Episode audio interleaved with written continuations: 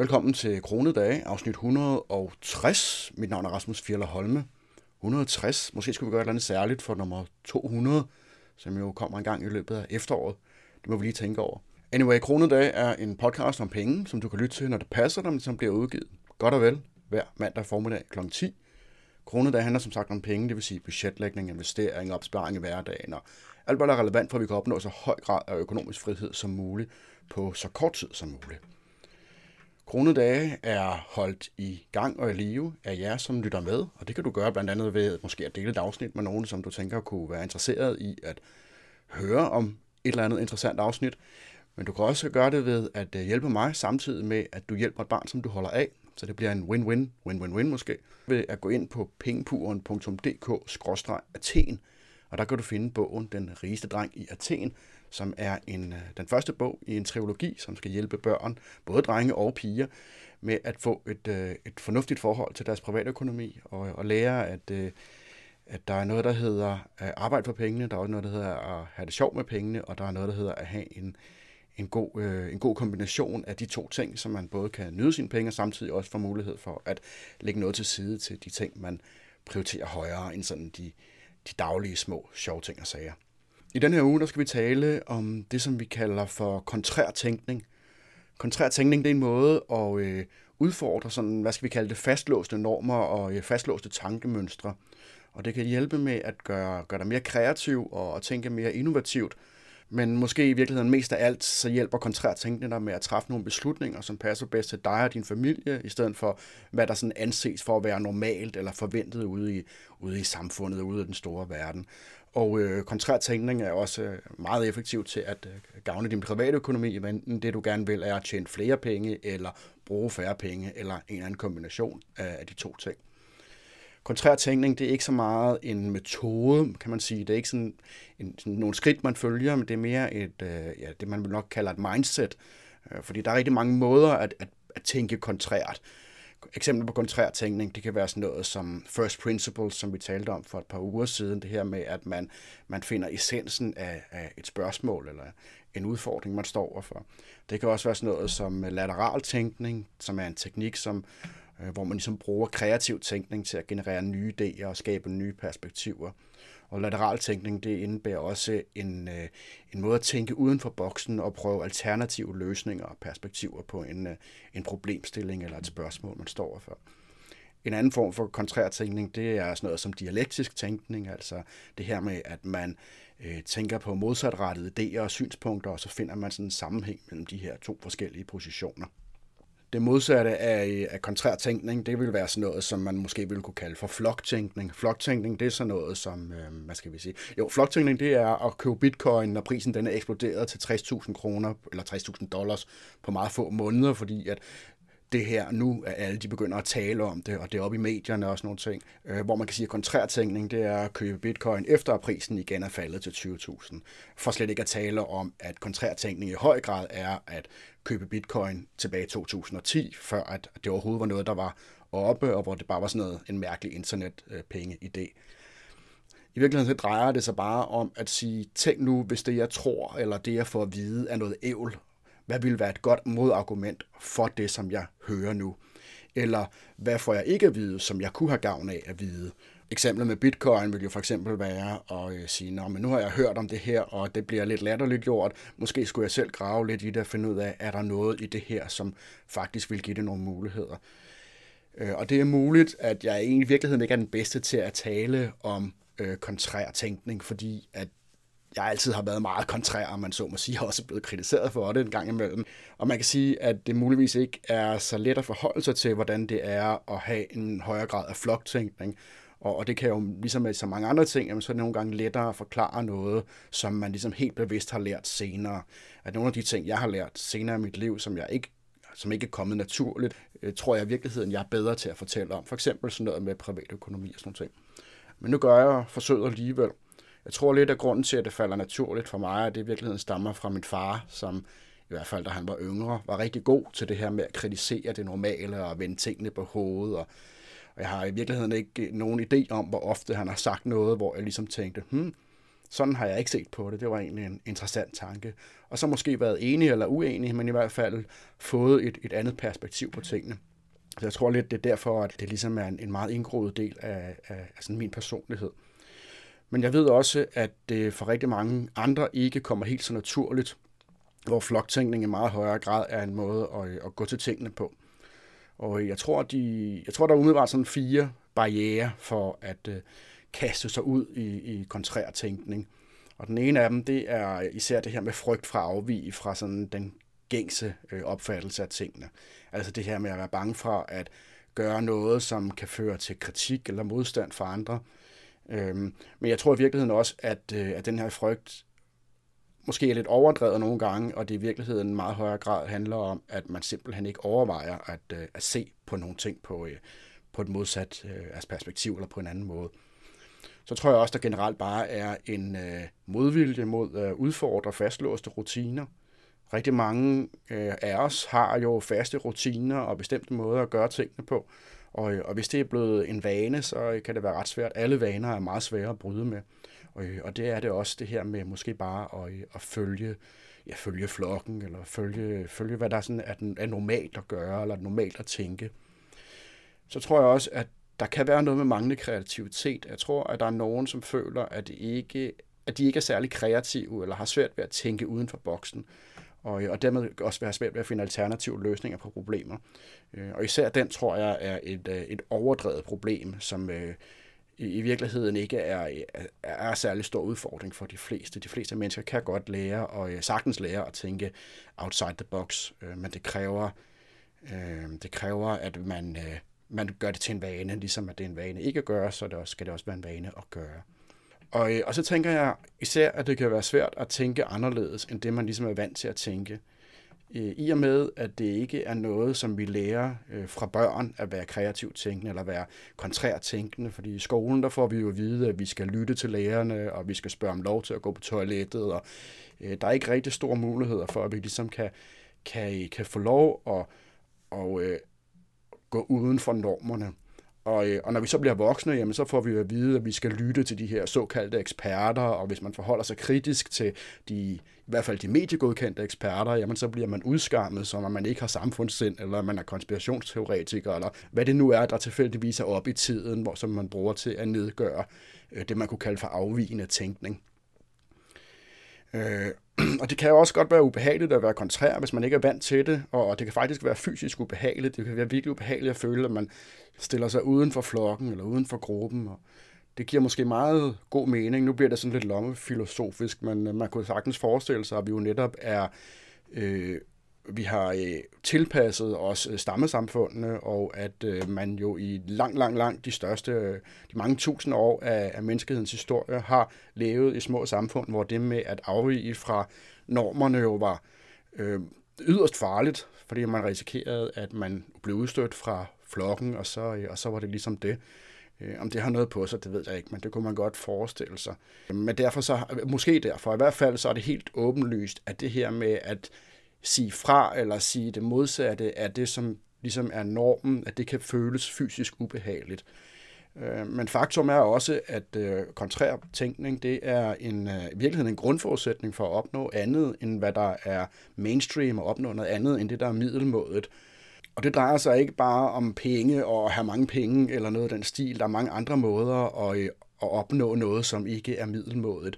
Og det kan selvfølgelig blandt andet have noget med privatøkonomien at gøre, men det kan også være alle mulige andre ting.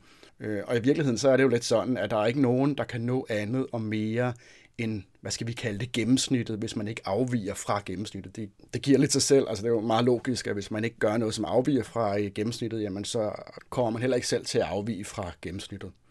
Og øh, det betyder jo så heller ikke, nogle går måske den anden grøft, og, øh, og, og jeg mener bestemt ikke, at kontrærtænkning indebærer, at man så skal have den her overbevisning om, at øh, hele verden altid tager fejl, og alt, hvad der er almindelig opfattelse, er forkert. Men det betyder, at det er ekstremt vigtigt at forholde sig kritisk til alt, hvad vi tænker og hører og læser. Alt det input, vi får. Også det, som vi ellers har taget for givet. I virkeligheden måske især det, som vi, øh, som vi tager for givet selv. Spørgsmålet er jo så, hvordan kan man så overvinde de her barriere, som holder rigtig mange af os fra at kaste os ud i kontrærtænkning? Altså dels så behøver du ikke at dele alle dine kontrære tanker og overvejelser og, og konklusioner med omverdenen, hvis du er i går så en bange for at få høvl. Men prøv at tænke dem ind i hovedet og vær frem for alt bevidst om, at når du kommer til en konklusion, der ikke er mainstream, så er det stadigvæk din konklusion. I virkeligheden så er det bare mit sædvanlige mantra, som jo næsten kommer op i hver podcast, om at man skal kende sig selv, og man skal være, være bevidst om sine tanker og handlinger. Og det betyder, betyder også for eksempel, at øhm, hvis du oplever, står i en situation, hvor du har en holdning, som afviger fra, hvad der sådan er almindeligt øh, anerkendt eller accepteret, jamen, så kan du jo i virkeligheden godt lade som om, at du ikke har den holdning, men stadigvæk være bevidst om, at du har den. Altså træffe en taktisk beslutning om, at nu tilpasser jeg mig normerne, fordi at det er for at undgå et eller andet ubehageligt, eller for at opnå et eller andet, så længe at det er en bevidst handling, og du er klar over, hvad du gør, og ikke bare, ikke bare øhm, ubevidst agerer efter normerne. Jeg håber, det giver mening. Men udover sådan det sådan følelsesmæssige eller psykologiske, men så er der også nogle praktiske ting, vi kan gøre for at, øh, for at tænke lidt mere øh, kontrært. En ting er for eksempel at prøve bare at, at være bevidst om at se tingene fra en anden synsvinkel. Altså spørge sig selv om, hvordan en anden person ville løse et eller andet problem, du står overfor, eller en eller anden situation. Hvordan ville en anden person se på den her øh, ting? Måske en person, som havde et helt andet udgangspunkt end dig. Øh, det kan også være sådan noget som at udfordre fastlåste rutiner, altså prøv at udfordre din egen tænkning ved at stille nogle spørgsmål og øh, undersøge nogle alternative løsninger til det, du står overfor. Og øh, træn din kreativitet, prøv forskellige metoder som brainstorming eller mindmapping eller nogle af de her måder, som man nogle gange bruger i, især i erhvervet, men øh, sagtens også kan bruge øh, privat og på, på alle mulige andre områder af, af livet, som ikke nødvendigvis har noget som helst at gøre med, med arbejdet øh, lave en mindmap over et eller andet, og, øh, og så se, om der ikke, det gør der jo ofte, opstår et eller andet, som du ikke lige havde, havde tænkt på. Og så være åben over for nye idéer. Prøv at øh, søge nogle forskellige vinkler på en eller anden situation. Især måske de vinkler, som du som udgangspunkt finder mest øh, tosset. Og så giv dig selv tid og rum til at tænke. Prøv at skabe noget øh, tid i din hverdag, hvor du har mulighed for at øh, tænke og reflektere over alle mulige forskellige idéer og problemstillinger, så du træffer nogle, nogle bevidste og nogle oplyste beslutninger, i stedet for at de bare kommer automatisk. Og det er i hvert fald øh, noget, som jeg personligt oplever, at jeg får rigtig meget ud af. Det er bare for eksempel den lille gåtur, jeg har hver dag.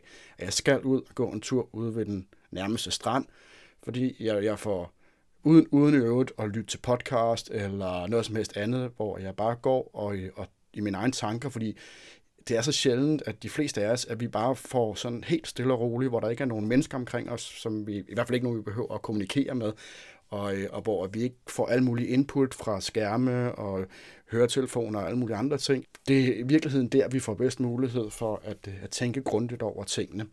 Så så altid for i hvert fald at, at bare et kvarter, 20 minutter, måske en halv time om dagen, hvor du er øh, helt væk fra alle mulige andre mærkelige input, og så gerne uden naturen, vil jeg påstå. Øh, og så også den omvendte, få noget feedback fra andre. Prøv at tale med en person, som du personligt kender, og som du ved er god til kontrær tænkning. En, som ofte har sagt et eller andet, hvor du tænker, hm, nå ja, sådan havde jeg ikke lige set på det. Det kan godt være, at du er uenig, men, øh, men der var i hvert fald, der kom noget nyt ind. Og, øh, og så præsentere, hvad det er, du overvejer for dem, og, og så spørg, hvad de tænker. Og selv hvis du ikke kan bruge deres, øh, deres svar, så kan du sikkert stadigvæk lære noget af deres, øh, deres metode. Og nogle eksempler, det kunne være sådan noget med at finde alternative løsninger på et problem fra arbejdet, ved at prøve at tænke anderledes på dem, og så udfordre den her normale tankegang. Du kan fx prøve at, at gribe et problem ad fra bunden med first principles eller første principper, for at finde nogle løsninger på et, øh, et problem, som umiddelbart virker ret komplekst. Du kan også tage udgangspunkt i, sådan, i det modsatte synspunkt i en diskussion, altså simpelthen bare forsøge at, at være kontrær, bevidst kontrær i en eller anden diskussion, om det så er politisk eller alle mulige andre ting, det er i virkeligheden ikke så vigtigt. Det kan også være fagligt, eller hvad det nu er, du laver. Øh, og så se, hvad der sker. Øh, det skal der være, at du oplever noget interessant omkring, hvad der sker, når man udfordrer den etablerede til tankegang. Men også måske så kommer du frem til nogle konklusioner, som du ellers ikke ville være kommet frem til. Prøv at øh, argumentere for et synspunkt, som du måske ikke er enig i, og så tvinger du lidt dig selv til at, øh, at se tingene fra det modsatte perspektiv. Øh, et andet eksempel, det kan være med at prøve at finde nye og spændende måder at leve på, ved at prøve nye ting ad. Er der noget, er der nogle hobby eller nogle interesser, eller en eller anden form for livsstil, som, øh, som du måske synes virker lidt kedelig, eller u- unødvendig, eller et eller andet andet, øh, så prøv at gøre det, øh, bare for en kort periode, øh, og se om, øh, om det er noget, du kan bruge til noget. Øh, jeg er blevet bedt flere gange, måske ikke så meget senere, jeg synes, jeg efterhånden er blevet rimelig god til det, men tidligere blev jeg spurgt, om ikke jeg kunne være lidt mere konkret og komme med lidt flere eksempler på øh, nogle af de ting, jeg taler om i podcasten. Så jeg vil godt give et eksempel på resultatet af en af de rigtig mange efterhånden kontrære beslutninger, som jeg og som min kone og jeg har foretaget os øh, i fællesskab. Øh, et, som i, i høj grad går imod normerne, og det er det her med, at vi hjemmeunderviser vores børn. Personligt så har jeg aldrig været mildest talt særlig stor fan af skolesystemet, og det gælder især folkeskolen, men det gælder også de fleste privatskoler, dem som jeg har kigget på i hvert fald. Hele det her, den her måde at undervise på i, øh, i, i de fleste skoler er, er baseret på det preussiske undervisningssystem, som jo var, det var tilbage i slutningen af 1700-tallet, starten af 1800-tallet, at man sagde, at nu skulle alle børn i skole i Preussen, og øh, de skulle lære at øh, kæft trit retning, og de skulle lære at være øh, gode arbejdere. Og det var ikke så meget et spørgsmål om, at øh, være forhold til kritisk eller lære andet end det, som ligesom skulle til for, at du kunne komme ud og arbejde på en fabrik. Det er klart, der er sket noget siden da, men sådan helt grundlæggende så er, er det meget op af det oprindelige preussiske, preussiske skolesystem, som øh, jeg bestemt ikke er, er særlig stor fan i, fan, i, fan af. Øhm, det her med at makke ret, og så følge de planer, som ligesom er lagt fra et centralt hold, og, øh, og så er der ikke mere at gøre ved det. Der er ikke plads til individer, især ikke individer, som netop afviger meget fra normen, og, øh, og der er ikke særlig mange muligheder for ligesom at fokusere på øh, at tænke selv. Tværtimod, så vil meget selvstændige børn jo i virkeligheden være en byrde et sted, hvor man skal have samlet 30 børn, som skal sidde stille og undervise til det samme fag på det samme niveau af en lærer, eller måske en lærer og en hjælpelærer samtidig. Øh, man kan slet ikke have, altså det vil slet ikke kunne fungere, hvis alle børn ligesom skulle tages hensyn til som, som individer, når der er så få voksne, der kan hjælpe dem. Autoritært er det, og de fleste af os vil bestemt ikke finde os i at blive behandlet på samme måde, som man bliver behandlet i skolen, hvis de oplevede det på deres arbejdsplads. Så hvorfor, hvorfor skal børn opleve øh, det samme, bare fordi at det umiddelbart virker øh, nemmere at, øh, at samle dem på sådan nogle undervisningsfabrikker? Det har været min stærke holdning, siden jeg selv gik i folkeskole, og længe før jeg selv fik børn, jamen, så har det altid været helt, helt essentielt, at når jeg fik nogen, jamen, så skulle de aller først og fremmest lære at øh, tænke kontrært, altså tænke selv. Og det lærer de efter min allerbedste overbevisning bedst ved at blive undervist hjemme på en måde, som ligesom er tilpasset den, den enkelte, tilpasset dem hver især. Faktisk så er jeg i virkeligheden mest stolt, når mine børn de siger mig imod, og især når de siger mig imod, og det viser sig, at de har ret, og at øh, jeg var øh, lidt af et fjols. Det, det er også sket en enkelt gang eller ti. Alt det her andet med at lære at læse og skrive og sådan nogle ting, det kommer helt af sig selv, hvis de ellers får lov. Og det, kan jo, det er jo min erfaring også, at det kommer helt af sig selv, hvis, øh, hvis de får mulighed for at, øh, at lære det på en måde, som, øh, som interesserer dem mest. Og så er jeg øvrigt også store forventninger til, at når, øh, når de vokser op, så vil de vokse op i en tid, hvor at nogle af de mest værdifulde kvalifikationer, det er evnen til at øh, kunne forholde sig kritisk til en problemstilling og, øh, og finde løsninger øh, uden for sådan de etablerede normer, altså det her med at tænke outside the box. Og i øvrigt så indebærer kontrær tænkning jo også, at det ikke bare er en beslutning, vi har truffet, og så holder vi fast ved det, som om at det var en, en religion, men at vi også løbende forholder os til, om det fortsat vil være den rigtige løsning at hjemmeundervise. Ligesom at enhver kontrær tænkende forældre med børn i skolen også vil overveje det omvendte, konstant overveje, at det her er den rigtige beslutning for mine børn. Øhm, til sidst så kan jeg godt tænke mig lige at lave en lille udfordring til dig. Hvis, især hvis du, måske hvis du allerede er meget kontrært tænkende, så kan du bare slukke nu. Men ellers så vil jeg gerne opfordre til, at hvis du ikke allerede gør det, så prøv at praktisere helt bevidst kontrær tænkning i dit eget liv ved at udfordre nogle fastlåste tankemønstre, som du har. Prøv at tænke ud af boksen og overveje nogle idéer, som måske virker tossede øh, eller måske urealistiske sådan ved første, første overvejelse. Og hvis det så ikke falder der meget naturligt, og det ikke allerede sker i forvejen, jamen så kan det måske være svært at komme i gang, men jo oftere du gør det, ligesom jo oftere du gør med alt muligt andet, jamen jo hurtigere bliver det en, en naturlig vane. Og jeg lover, at jo mere kontrær tænkning du bruger, jo mere vil det give pote, uanset hvad det er, du gerne vil opnå, om det er økonomiske frihed, eller noget med din karriere, eller hvad som helst andet i, i tilværelsen. Eller hvis du bruger kontrær tænkning, på en fornuftig måde selvfølgelig, så vil det helt klart give, øh, give øh, mærkbare resultater. Nogle resultater, som ikke bare er resultater for andre mennesker og samfundets forventninger og sådan nogle ting, men også for dig selv. Og øh, nu er podcasten godt nok blevet cirka 20 minutter lang, men øh, vi kunne også godt have talt lidt omkring faren ved hele tiden at være kontrær og per automatik øh, forholde sig modsat det, der er main, mainstream. Og synes jeg, jeg har set en del de seneste år, det her med, at konstruktiv normkritik, det bliver til en ukritisk modsættelse af alle normer. Men jeg vil stadigvæk påstå, at, at den tilgang er er et meget begrænset problem i forhold til det her med, med floktænkning, så øh, det tænker jeg, vi måske tager en anden gang, hvis der er interesse for det. Så det var sådan set ugens øh, kronede dag. Jeg håber, du kunne bruge det til noget, og hvis du kunne, så er du meget velkommen til at øh, hjælpe mig med at holde podcasten kørende, samtidig med, at du hjælper et barn, som du holder af. Og det kan du gøre ved at gå ind på pengepuren.dk-athen. Nå ja, jeg skal også lige slå et slag for min, øh, mit lille projekt, inden vi lukker helt af. Jeg har lavet et projekt, som hedder Joblication, altså job og så location, ligesom jobapplication.net. application.net.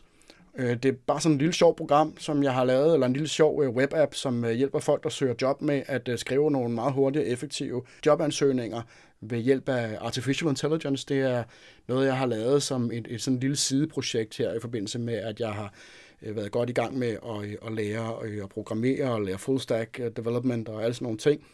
Og øh, udover at der forhåbentlig kommer en meget mere interessant eller meget større projekt, så, øh, så synes jeg, du skal prøve at gå ind og kigge på det. Øh, det koster som udgangspunkt ikke noget. Øhm, I hvert fald ikke, hvis du bare lige prøver det af. Og øh, hvis du synes, det er sjovt, så er du velkommen til at skrive. Og øh, ja, prøv at tjekke det ud. joblication.net Og ellers så er der bare at sige tak fordi, at du lyttede med, og pas godt på jer selv derude.